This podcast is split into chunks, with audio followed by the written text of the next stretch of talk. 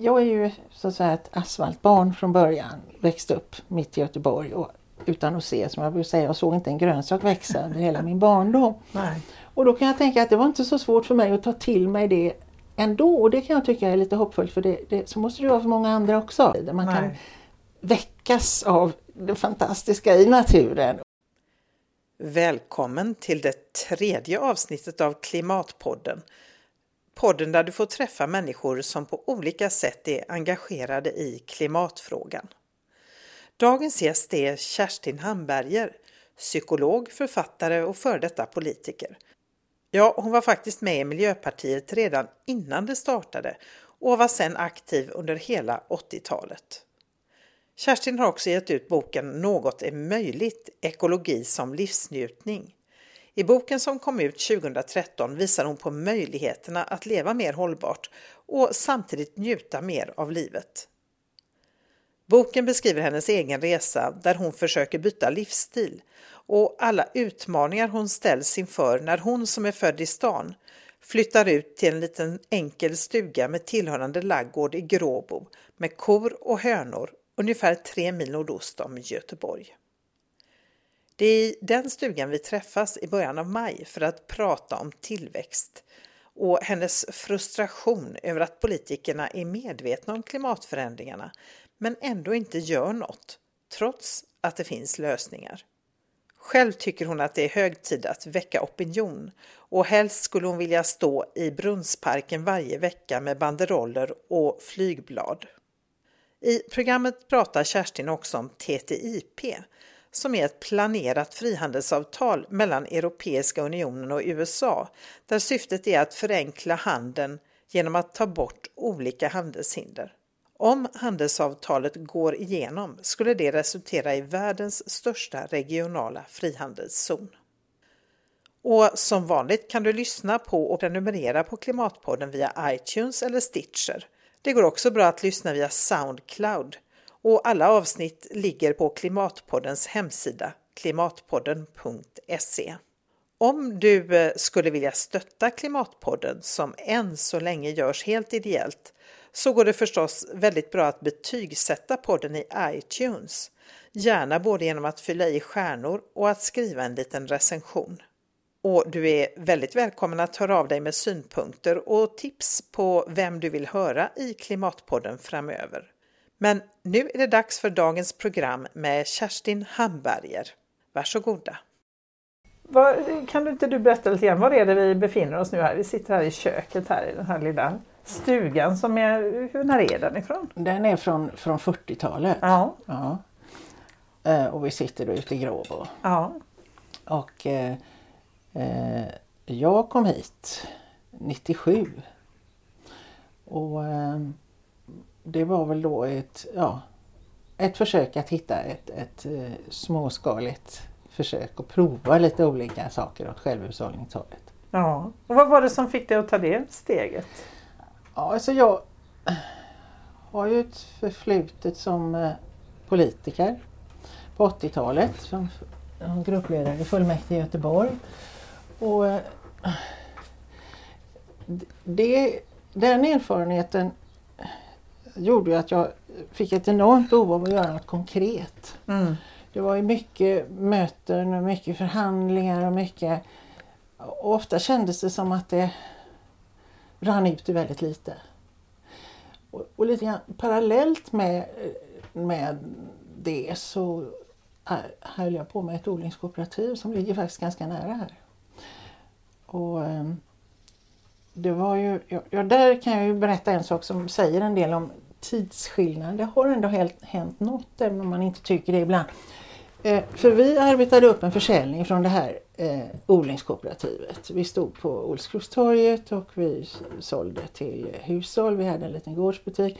Och vi fick upp en försäljning till daghem i Gårdsten. Vi hade tio daghem tror jag. Mm.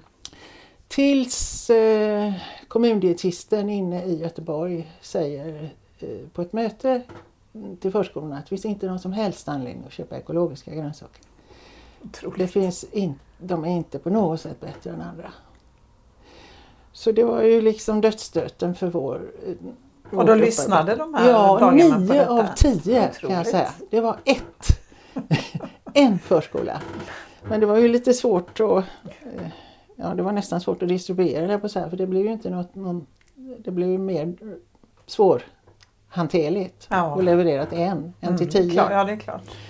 Men det var ju roligt att det var någon som, som ändå förstod att det här var viktigt.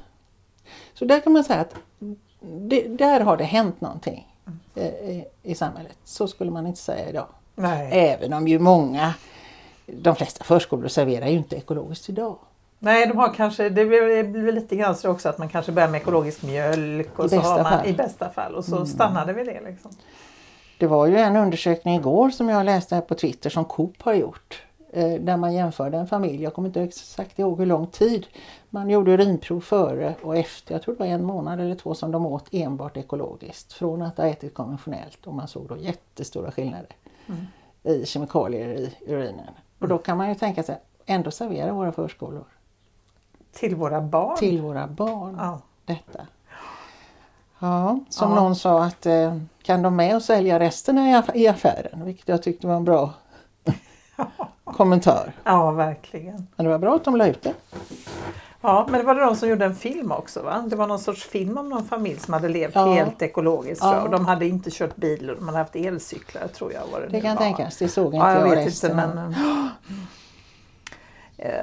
Vad tänkte jag säga? Hur, hur blev du engagerad i, egentligen började det som ett miljöengagemang men i klimatfrågan. Alltså hur, hur började ditt miljöintresse? Ja, alltså, Klimatfrågan börjar jag ju inte alls i för den pratar Nej, ju ingen om nej, då. det fanns ju inte då. Nej. Nej. nej. Eh, alltså, jag, jag har funderat lite grann själv när jag började. Jag, jag har väl varit politiskt engagerad.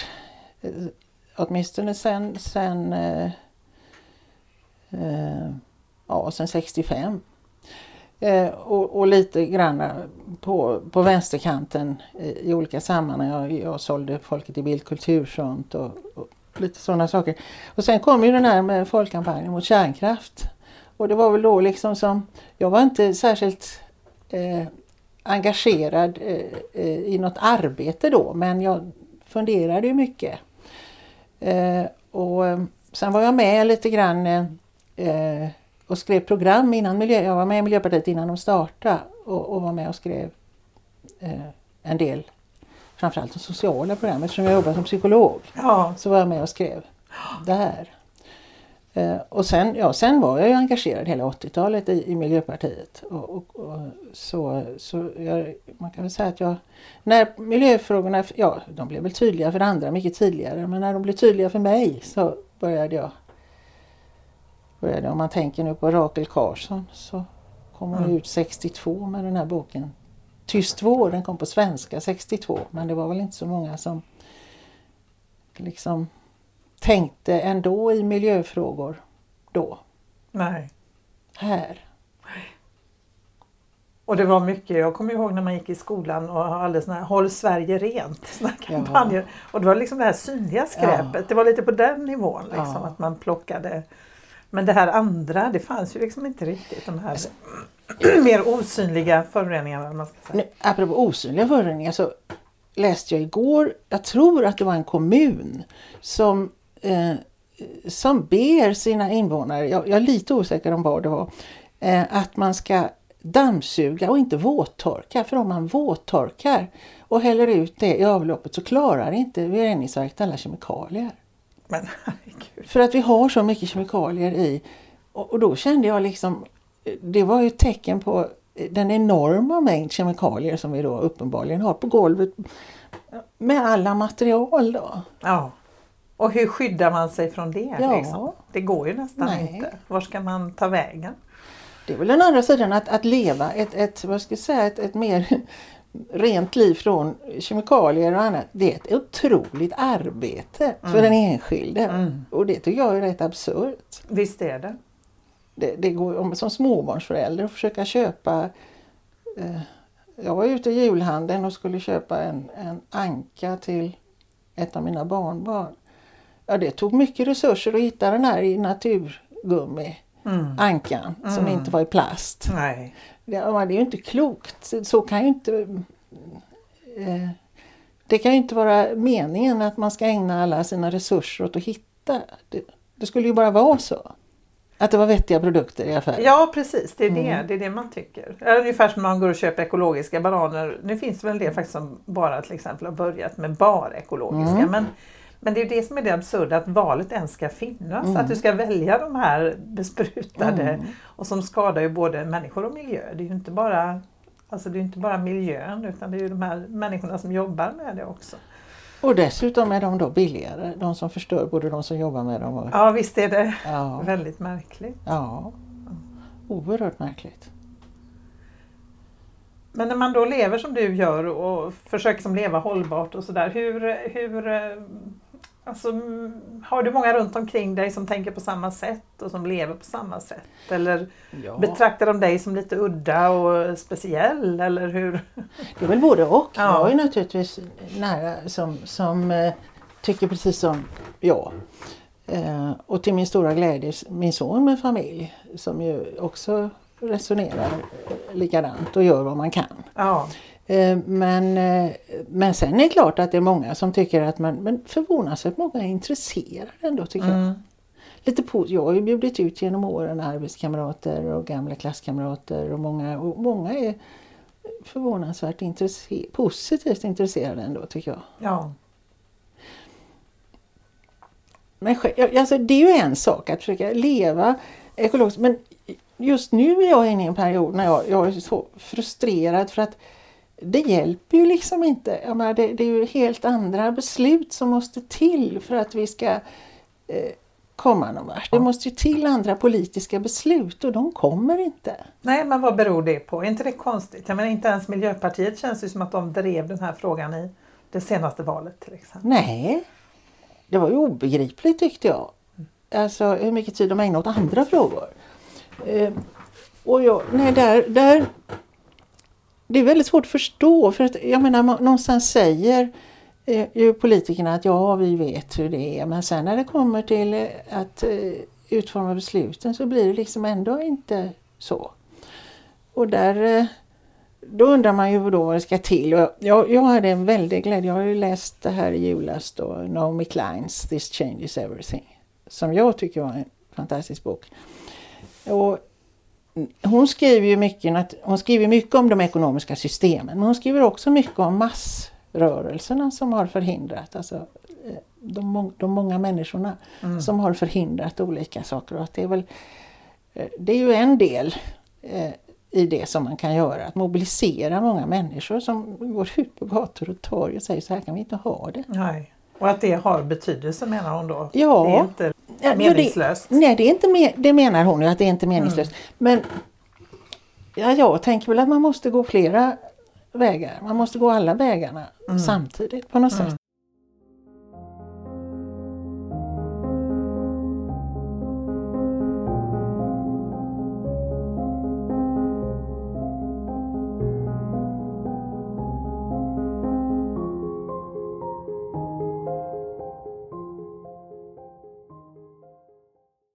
Har ju sysslat en hel del mycket med TTIP, det här, ja, TTIP kallar de det väl, handelsavtalet mellan EU och eh, USA som förhandlas nu. Mm. Och då var det något som heter Day, Day of Action här den 18 april. Och då utöver hela Europa så demonstrerar jättemycket folk. Det var i Bilbao 22 000 till exempel. Det var i Österrike ja, ungefär lika mycket. Och var är vi? frågar jag då. I, I Göteborg var det 100 tror jag. Ja, det För det var ändå här fast jag har inte lyckats få reda på det. Tänkte säga, jag hade ingen aning om att det ens ägde rum. Det var på Gustav Adolfs torg. Jag såg ett inslag och någon som höll tal där i mm. efterhand på dem.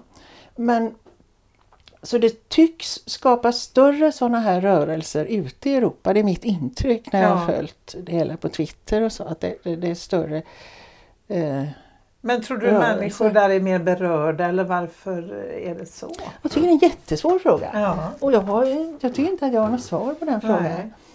Eh, varför det, det är trögare här.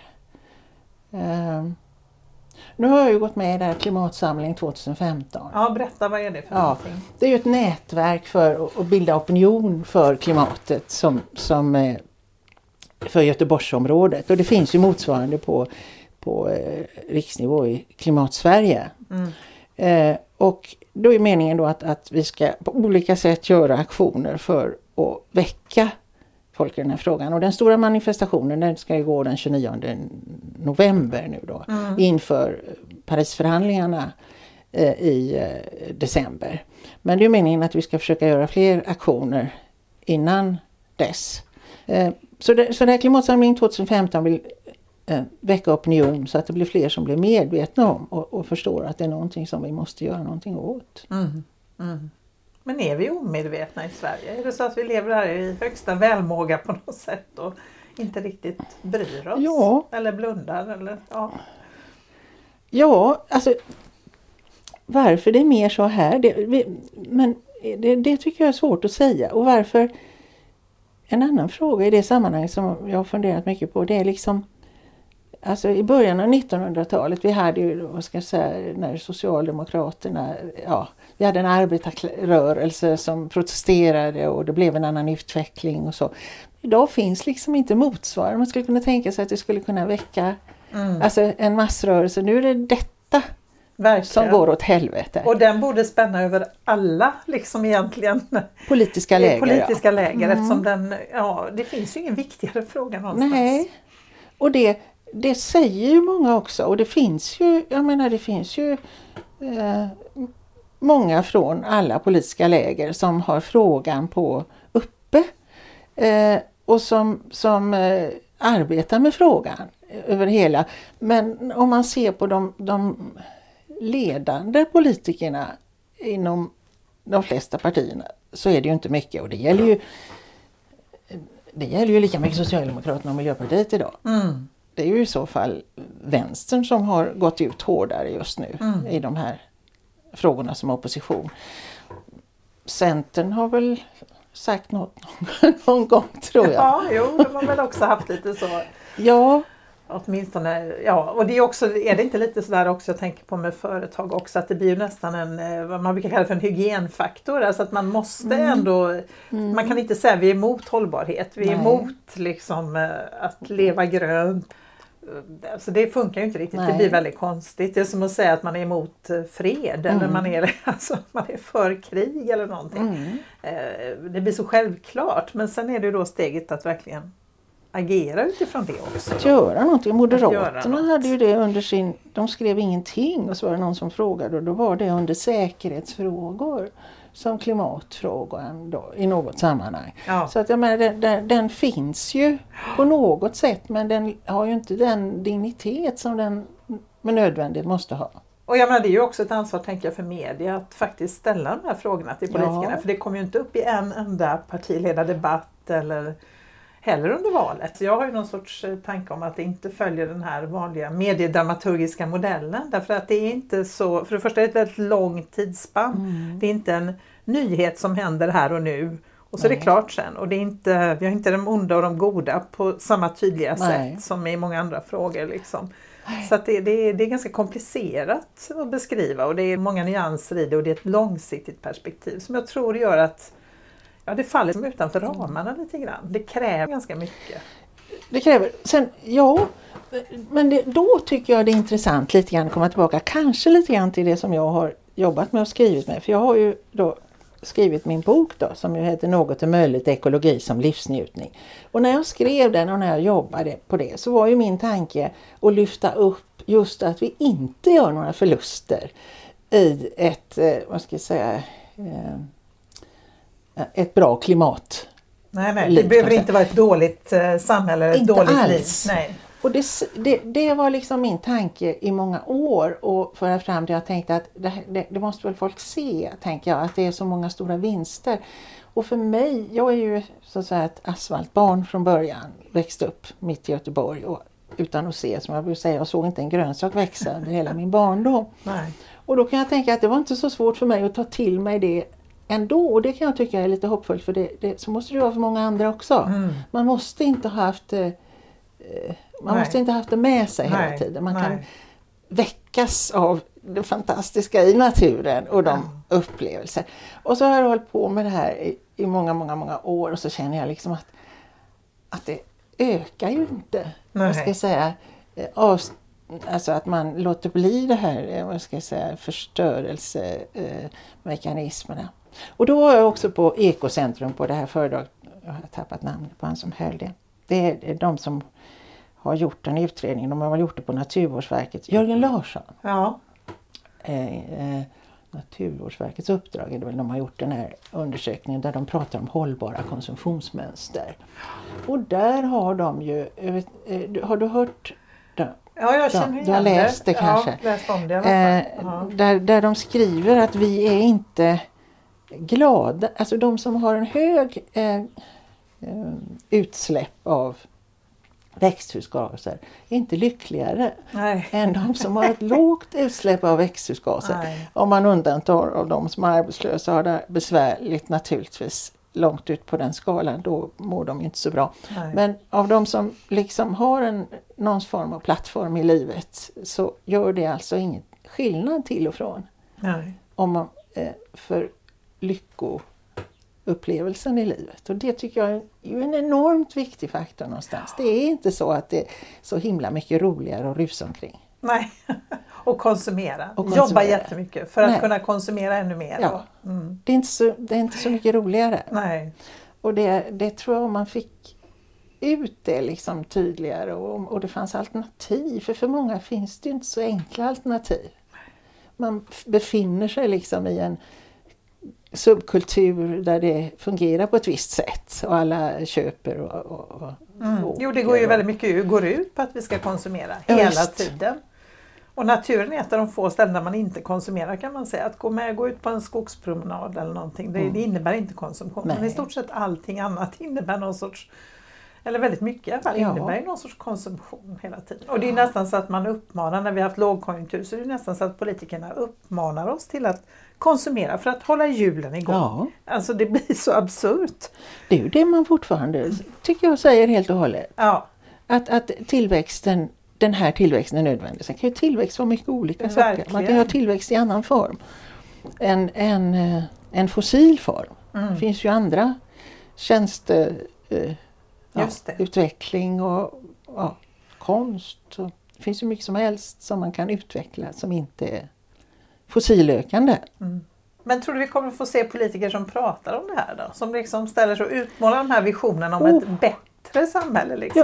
Jag, jag läste Utifrån det här. idag, nu har jag tappat detta. Det var väl i... i eh, det måste varit... Ja, nu är jag lite osäker om det var en delstat i USA, men jag tror det. Där någon som gick emot den här pipelinen bara rasade upp, fast det var en vänsterpolitiker, i, i, eh, i röster. För att det, det, ja, huvudsaken var att, liksom att gå emot den här eh, pipelinen som de ska ju köra, den här kärrsandsoljan. Ja, ja Ja, de ska det. bryta den här med så enormt mycket nedsmutsning och så. Och så ska de eh, då transportera den med den här pipelinen. Och där har ju även Obama gått emot den här pipelinen i en första skede. Vi har inte sett vad jag förstår riktigt, jag följer inte med hundraprocentigt hur det här slutar. Men i vart fall var det någon där rösterna gick så här Mm. i, eh, på grund av att vederbörande då tog Mm. ställning emot den här och då blev ju industrin, otro, det måste varit morse jag läste detta, industrin otroligt oroad Mm. över att det finns sådana strömningar och sånt stöd i, Mm. i, i befolkningen för sådana här. Och det, det tyckte jag kändes ju roligt. Jag menar här, det kanske blir så. Det kanske kommer, och jag tänkte jag då också, det kanske är, vi kanske går mot en, ja, är man optimistisk så kan man ju tänka då att nu har man, plötsligt går man över en kulle och sen tycker alla att vi ska åtgärda. Ja. ja.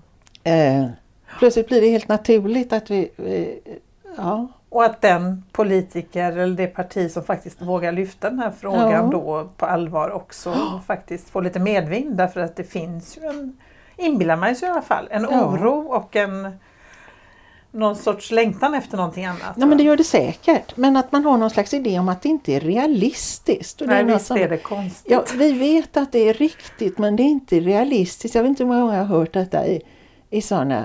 Och framförallt det är inte poli, politiskt realistiskt. Finns det också, kan man också höra Vad att de menar säger. man med det? Ja, vad menar man med det?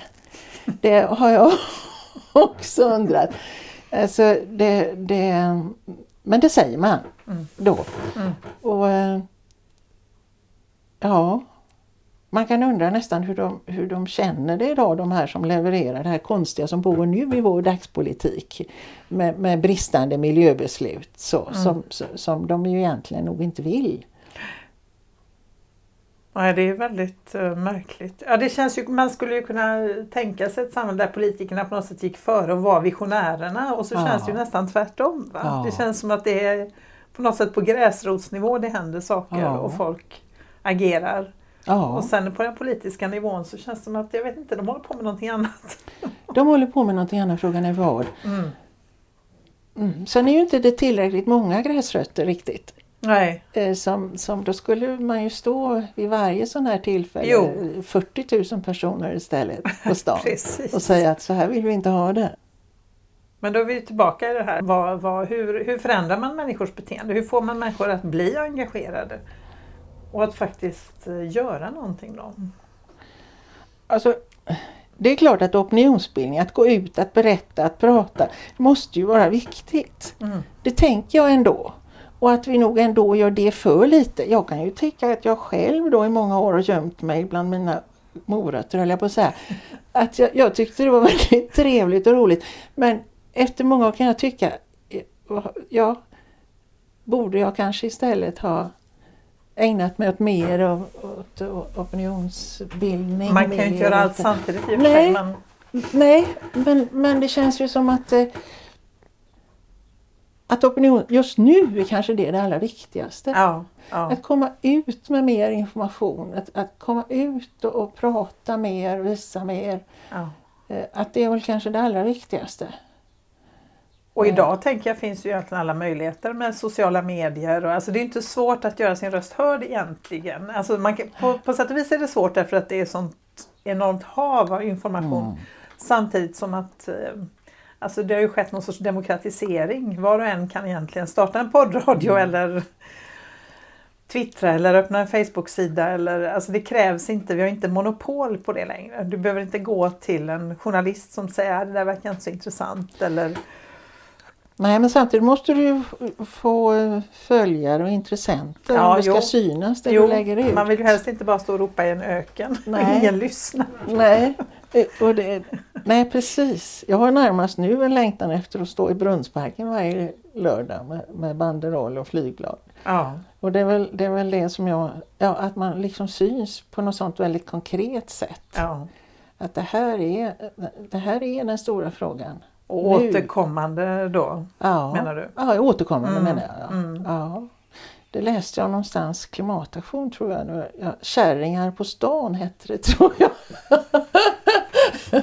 det var inte Göteborg. Nej. Men de, de, de försökte få igång ett sånt, man skulle finnas på torgen hela tiden. Ja, ja, ja. ja. Ja. Ja, det är bra. Det är bra.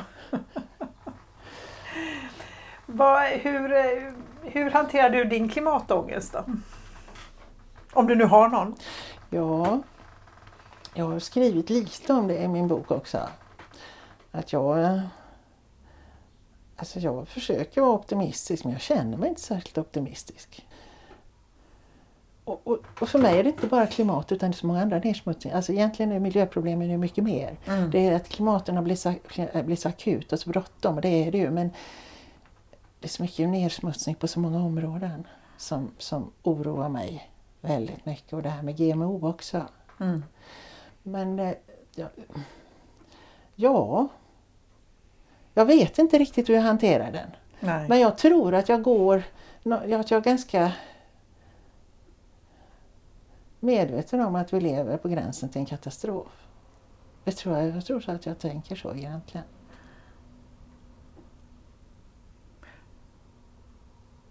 Och samtidigt så jag menar, börjar man tänka att allt är kört då finns det liksom ingen mening med att göra någonting längre. Så att, eh, Nej, Det och det tycker jag uppenbarligen inte eftersom jag gör något Nej, fortfarande. precis. Men, men ja, det, det vet jag att jag också skrev, för det vet jag också tänkte då. Jag tänkte att det här, alltså livet i naturen och med växterna och alltihopa, det är så himla roligt. Så jag på att säga, det kan man göra även om man skulle tro att det var kört. För vad ska man göra annars? Jo, menar, det är ju det som är läggas ner och dö. Ja.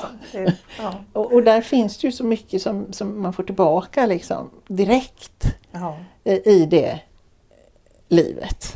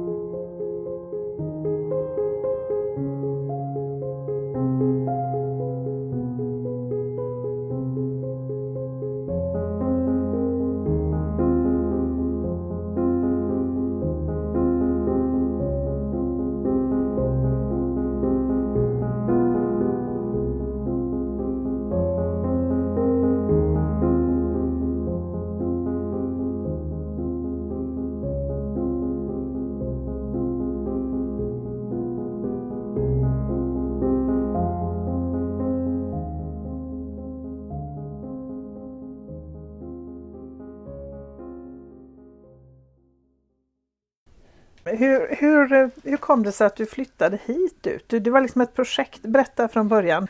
Jag hade ju odlingskooperativet bakom mig.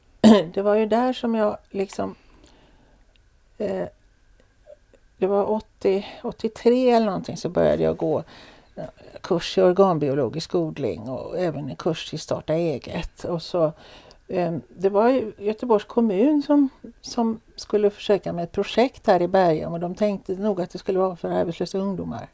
Men vi som kom dit var ju betydligt äldre, de flesta av oss, mm. som hade ett jätteintresse av att bygga upp det här kooperativet. Och där fick jag ju det här, jag både lärde mig så att säga odling och fick eh, intresse för liksom hela naturens cykler. Och, alltså, det öppnade ju eh, ögonen för mig i ett område som jag inte alls hade haft innan. Och, och, det är klart att det där var ju många som tyckte att vi var helt eh, ja, ja, koko, uttrycka sig milt. Varför det? Nej, jag menar det var ju inte, det var ju svårt. Det, det, vi kunde sämst var väl kan man säga marknadsföring och försäljning och det var väl det vi stupade på också kan man säga. Och vi fick första året en, en odlingskonsult som kommunen betalade men, men eh, det var inte någon hjälp för oss skulle jag vilja säga för han drog upp för storskaliga riktlinjer. Vi startade med 16 hektar intensiv grönsaksodling. Oj, Ja, och det, det fick vi successivt minska ner för det var ju totalt ohållbart. Och, men det var massa problem så men för mig öppnade det ändå så helt nya vyer av en form av liv som jag liksom inte hade eh, mött innan. Så när, när det här så småningom ebbade ut väldigt mycket av ekonomiska skäl så hade jag ändå med mig någonting därifrån att det här eh, vill jag i någon form. Och jag hade först en liten stuga med, med eh, alltså, liten odling och så och några små höns. Så kände jag ju att det skulle vara roligt att göra något lite mer ordentligt. Men eh, eh, det är fortfarande småskaligt. Jag har ju aldrig levt på detta. Det är ju bara, jag ska säga, för eh, egenförsörjning av grönsaker under en, en, period av året och eh, egen tillgång på ägg och höns och, och ja, det har också varit kalkoner och lite ankor. Och, och eh, under en lång period så skickades det väl ja, till och med ibland två kalvar till, till slakt. Då, så att det fanns ju Köttproduktionen var ju då mer hög. Mm. Och då ja, kan man göra så att då tar man återtag på hela sin produkt från slakteriet sedan så kan man ju avyttra den då till vänner och bekanta mm. och som är intresserade av att ta del av några som faktiskt har haft det bra. Mm. Alltså djur som har haft det bra. Och här, när jag kom hit hade jag ju då bara erfarenhet egentligen av odling och jag har jobbat jag har faktiskt jobbat på en getfarm en gång tidigare i mitt liv. I min ungdom. Åkte till Norrland och skulle pröva lite olika former av liv.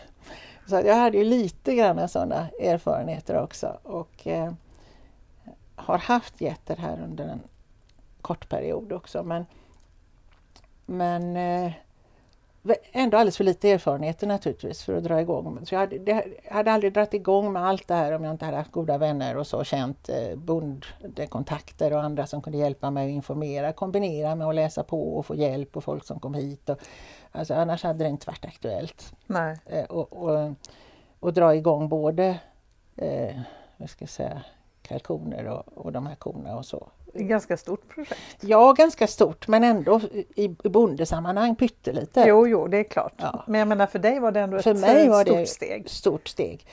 Men så, så eh, var det ju så praktiskt då att det låg här med den här bussen. Alltså det var ju... Man, man kunde det är nära ju, hållplatsen här. Ja. det är så enormt nära mm. hållplatsen. Så att, och jag har jobbat, eh, eh, alla åren jag har bott här har jag jobbat på Angeredstorg. Så det var ju smidigt inom mödra och barnhälsovården där eh, på Angeredstorg. Och där har jag haft, haft väldigt roligt för det är många paralleller där med kor och kalvar och barn och mödrar. Anknytningsprocesser. Och jag har ju varit med och sett kalvning, jag har ju legat där ute och sett kalvning. Ja. ja bakom Ja. buskar och inte störa oss. Och de vill ju vara i fred. I det, alltså om de får leva som de vill så vill de ju inte att man ska vara där när de kalvar. Nej. Det är ju inte som det är idag annars. Hur Men går det till idag? Jag har ingen aning. Då är det liksom väldigt... Ja, det är det säkert. Jag har ju aldrig varit på, på ett sådant ställe.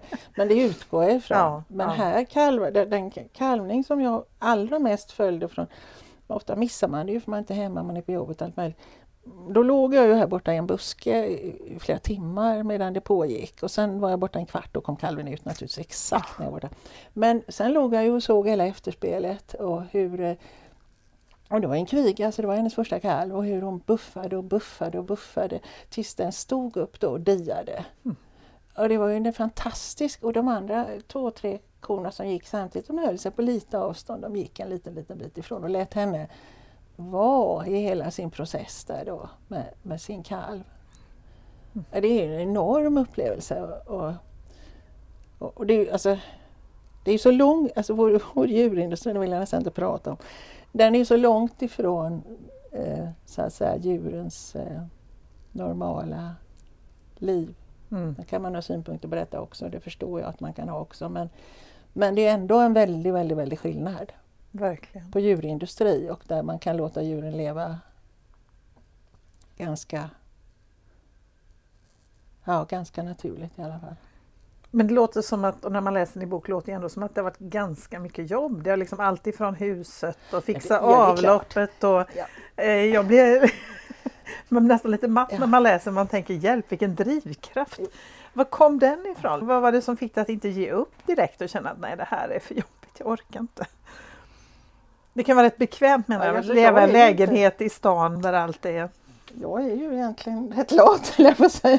Nej, jag menar, jag, jag har inget svårt för att sitta still och göra ingenting och fundera. Jag älskar det. Men, men eh, jag har också tyckt att det har varit himla roligt. Och, och, alltså en utmaning att se. Jag börjar liksom tänka, vad vad är det man behöver? Eh, eh, Vad är det allra nödvändigaste liksom då, i form av värme och mat och kläder? Och se, vad är det, det minsta så att säga, nämnaren som som jag klarar mig får, får jag säga, men hade man gått till någon som var mera naturkunnig så hade den klarat sig på mycket mindre naturligtvis. Vad heter den här? Skogsliv i Valden. Mm. Ja, till exempel. Den läste jag också. Och blev inspirerad. Ja. det gjorde jag. Men, men sen tyckte jag det var en utmaning. Alltså, och ja, visst 17 har det varit mycket jobb, det är klart att det har. Men, men under perioder är det många entusiaster och, och, och eh, här till exempel är det ju utgödsling en gång om året då. Eh, när man, eh, och då till exempel under många år innan, innan min son hade, nu har han tre småbarn så det är inte riktigt så aktuellt, men innan dess så kom han ju hit med fem, sex kompisar och så. Tyckte det var spännande. Ja, då Mm. hade vi en utgödslingsdag och så, Ja, så jobbade då. Jag menar det var ju liksom, ja, mycket sån hjälp också. Så. och då bodde du här på heltid. Ja, Och hur många år gjorde du det? 13 år. 13, det är många år. Ja. Eh, Och vad hände sen då? nej, jag, jag, det var när jag, jag fick tarmvred och opererades och var lite risig ett tag och då kände jag liksom ett behov av en sån där bekväm och då, då jag skaffade en etta och så tänkte jag nej, det får, och då har jag mer och mer lö, eh, vad heter det, lämnat över detta Mm. till nästa ägare så att säga. Så att jag, men jag är ju här alltså på sommarbasis så att det var liksom en överenskommelse så, så det fungerar jättebra. Mm. Men det var, det var de och bekvämlighetsbehoven då tror jag, liksom orken också som, som eh, med snön och med, ja det var liksom too much. Ja. Den vinden, var i februari dessutom. Men så nu är det någon annan, du har, över, du har sålt? Nej, bara, till, bara delvis. ja, ja, så att du är delägare Jag är delägare, ja, Ja, ja. precis. Så jag av, avvecklingsplan. Så. Mm. Mm. Mm. Eh, och inte ansvarig för djuren. Nej.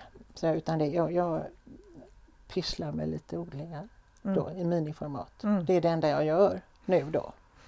Och, så ett, kan man säga, och, så, och sen har jag ju istället gått igång med ett mera polit, äh, på aktivitetsengagemang Just det.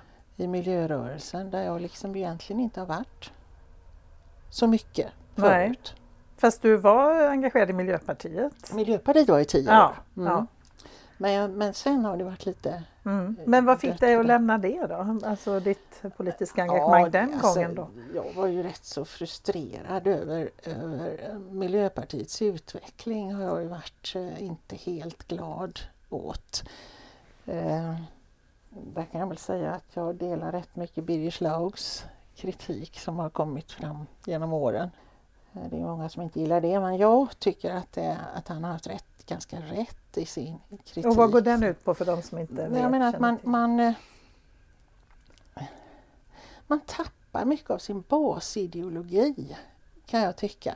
Börjar mer likna de andra ja, politiska ja, partierna? man är inte lika skarp i sina förslag på, på, på och det kan man ju se då att det är en utveckling för att passa i det här men för mig har, tycker jag att man tappar eh, tappar miljöfart mm. I detta. Mm. Mm. Men nu, på vilket sätt engagerar du dig nu då? Ja, nu är jag, med, jag är med i det här klimatsamling 2015 och sen har jag det har jag inte sysslat med förut. Jag sysslar med Twitter mm. och sysslar med Facebook. Jag har ju en egen Facebook-sida på min, för min bok. För boken, ja just ja. det.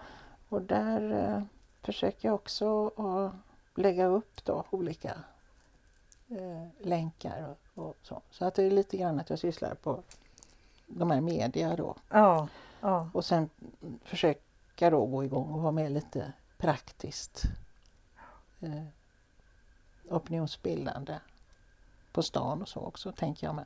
Ja, just det. Mm. Ja, du pratade här om att du, du skulle vilja stå i Brunnsparken ja. och lite grann Jaha. som eh, så regelbundet ja. återkommande. Ja, så tänker jag. Ja.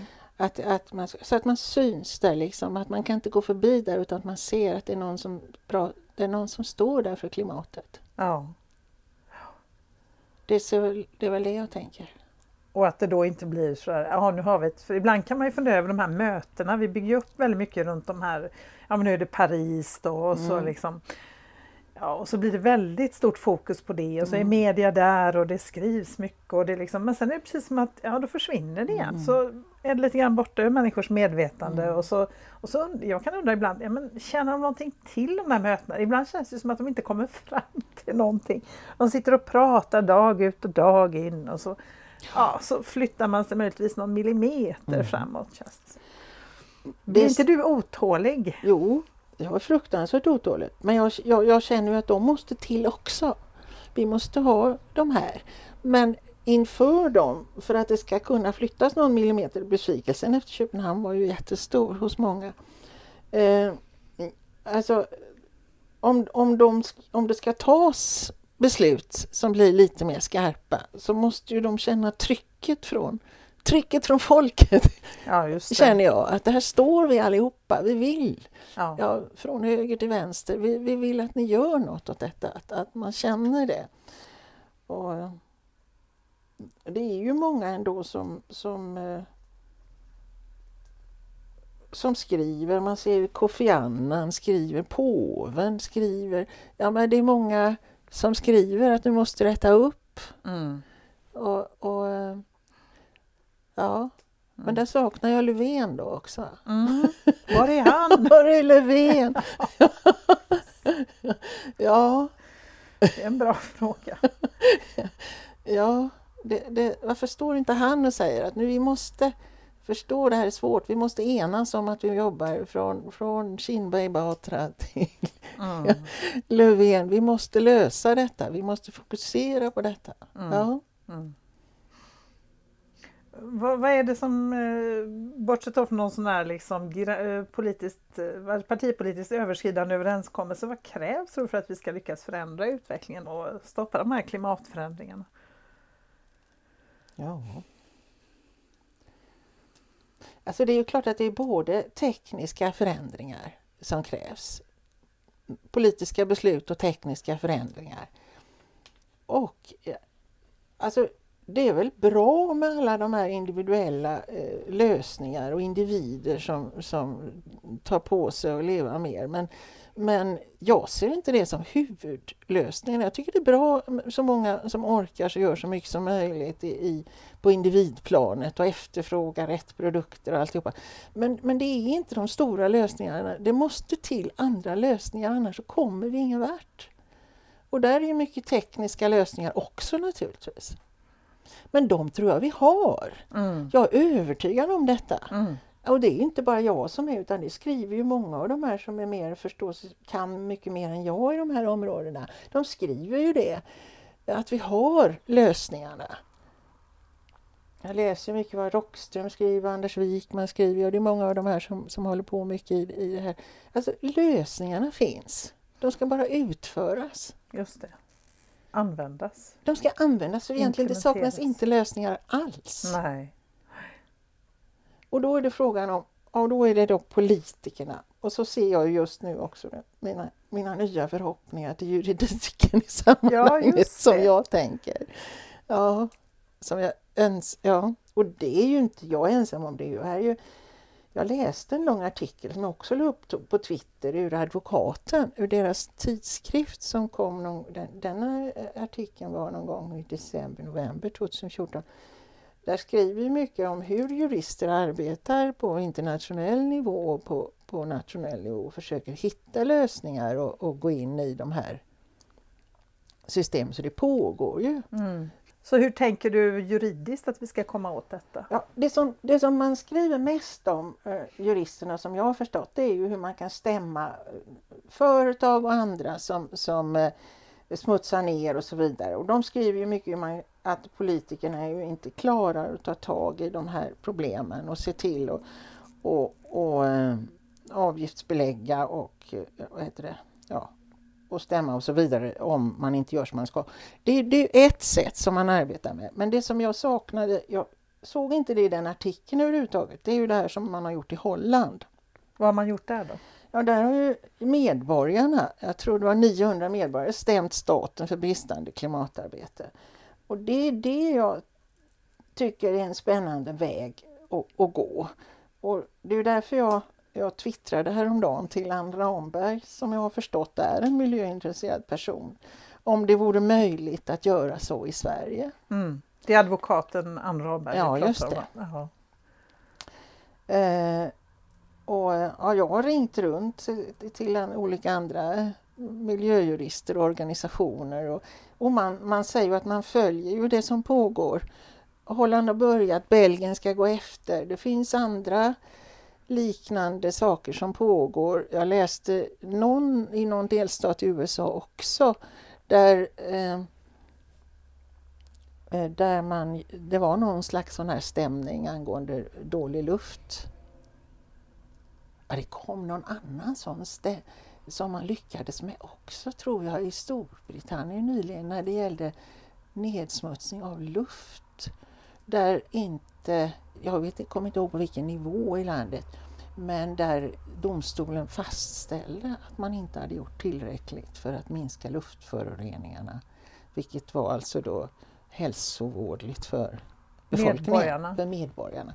På vilken nivå, det kommer jag inte ihåg, men jag läste någonstans där man faktiskt fastslog, som man sa att ni har inte levt upp till era Nej. åtaganden i detta.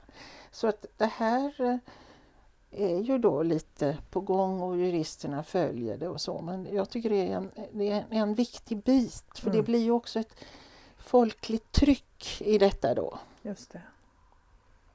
Och då, då stämmer man till exempel en regering för att de har ett ansvar för att skydda Mm. sin befolkning. Det är liksom, och att de vet, Ja, ja för att det var ju det känner redan till, på de har först- kunskapen så att säga. I de första klimatförhandlingarna som pågick så erkände ju regeringarna läget så att säga. Man erkände läget och Just det är ju det. en utgångspunkt då att stämma någon för. Ni vet och här står vi Mm. och ni gör ingenting för att skydda oss från det vi närmar oss. Det är väl så som, som man i så fall skulle tänka rent logiskt i det. Mm. Ja, och Det är det, spännande. det, det, det, och det är min förhoppning då att jurister ska jobba vidare med detta. Så nu kommer du snart att stämma svenska regeringen. Ja, det hade De jag gärna gjort. Lever upp till sitt Det hade jag gärna ansvar. gjort. Ja. Ja, jag, jag, jag deltar gärna i det, eh, i ett sånt, sånt projekt. Mm. Mm.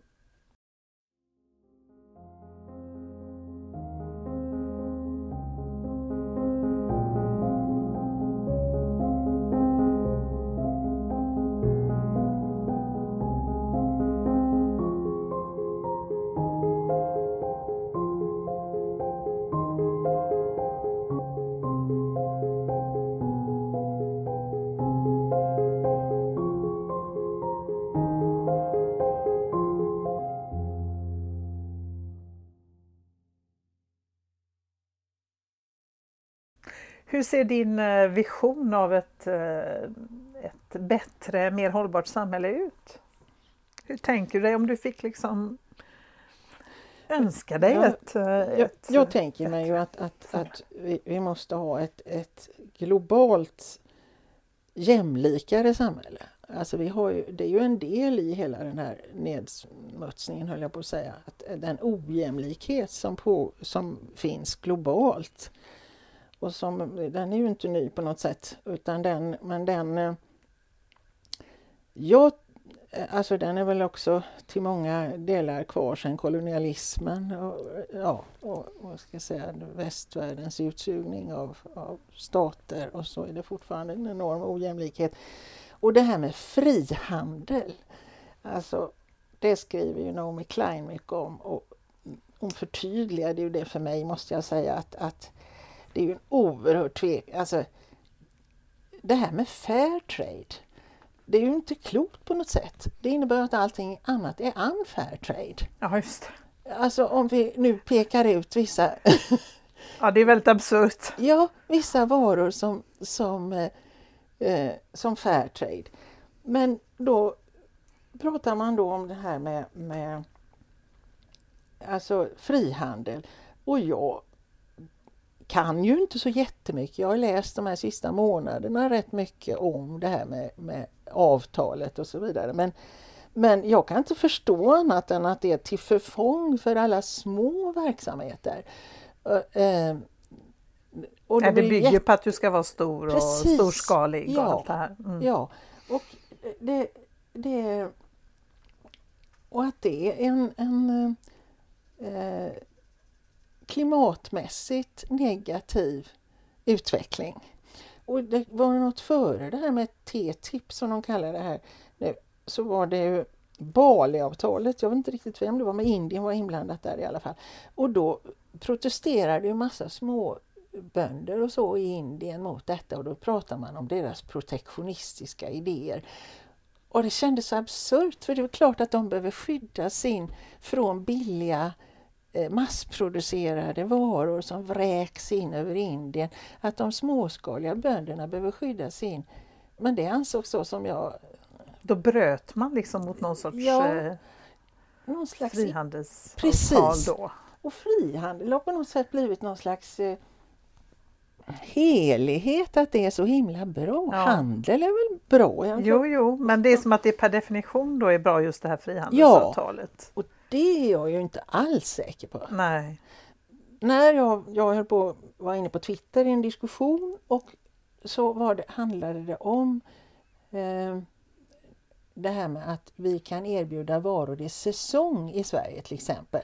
Alltså, men, men då svarar Jordbruksverket på och skriver, eller om de svarar, var det i radio de sa det, att det kan vara handelsstörande och vilja säsongsanpassa för vi ska vara öppna för att köpa vilka varor som helst När som helst. när som helst. Och det här har jag skrivit till, jag skrev till journalisten som hade programmet, jag skrev hit och dit och, och runt omkring.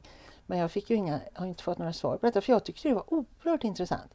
Redan före det här TTIP så säger man idag alltså att det kan vara handelsstörande att prata om varor i säsong. Och alltså handel, ja igen tillbaka till det här, jag dricker gärna kaffe eh, och importerar gärna kaffe. Men jag kan inte förstå kanske att vi måste äta tomater hela året. Nej. Och det sa ju han Per Holmgren som, du vet vem det är, han från SMHI. som- Meteorologen, ja, just det. Som numera bara åker runt och det var någon som frågade om ska jag köpa svenskodlade tomater eller ska jag köpa ekologiska var det väl någon frågade honom. Ja, det var då han sa köp morötter. Mm. Mm, bra svar. Ja, det finns ju alternativ. Vi Ja. måste inte äta just tomater året om. Nej, Och de är ganska smaklösa. ja Liksom, precis. om Men, du ska hämta hem dem. men det är väl sånt här som det här med TTIP och, och det här med de här handelsavtalen. De vill inte ha det här. Det ska vara storhandel, storskaligt forslande av eh, varor. Och, och eh, det här med... Ja, för fri handel, fri handel låter ju bra men Ja. man undrar ju för vem är det fri Ja? Precis, för vem är det fri handel? Och vore, för, vore det verkligen frihandel så skulle inte de här små då Nej, eh, slås ut. nej. Men det bygger liksom på det här storskaliga då. Och det bygger ju också på att saker ska registreras och det Mm. kan ju ofta vara så stora registreringskostnader för en liten aktör att den inte har Exakt. råd att registrera sina produkter.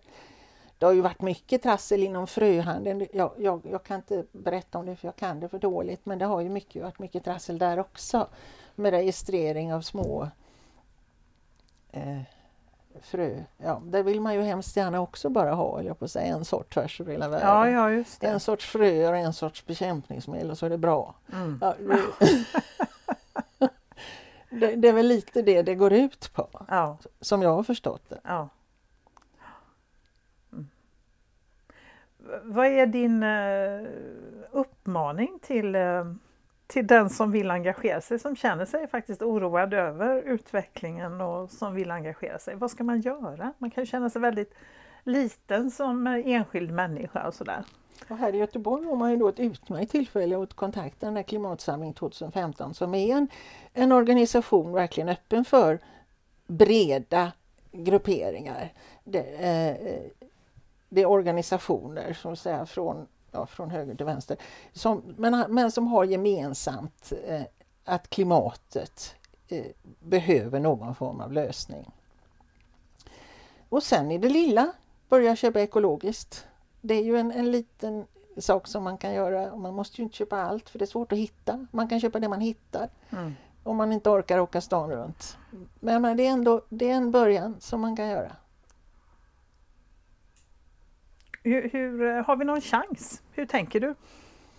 Ja, en fråga som jag inte vill svara på nästan. Nej, alltså, nej jag, usch, jag tycker det här, är- för mig, det, det här är jättesvårt alltså. Det är svårt och, Men det är klart att jag måste tycka det. Att vi har en chans. Och det, det, det, det beror också på vilket perspektiv man, man ser. Är det 2100 eller som någon tittade på hur ser det ut 2300? Alltså det beror liksom på vilken, i det korta perspektivet så, så jag som person kommer ju inte hinna se så hemskt mycket med tanke på min ålder. Men, eh, men sen ibland så tänker jag ju att det kanske just precis som med rökningen, vi lyckades ju faktiskt väldigt bra, det är många som röker fortfarande, men vi lyckades ändå vända rökningen ganska mycket. Kanske kommer det en sån tipping point med klimatet också. När det blir naturligt för alla på samma sätt så att man inte röker. När jag började jobba så rökte alla inne på konferens på Sahlgrenska. Det var totalt inrökt, mina konferenser på, i början av mitt jobb. Mm. Så ser det inte ut idag. Nej.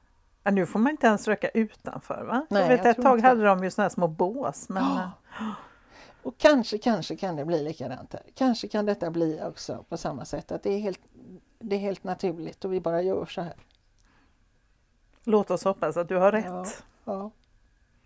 Tack så jättemycket för att jag fick sitta här en stund och prata med dig. Mm, tack själv.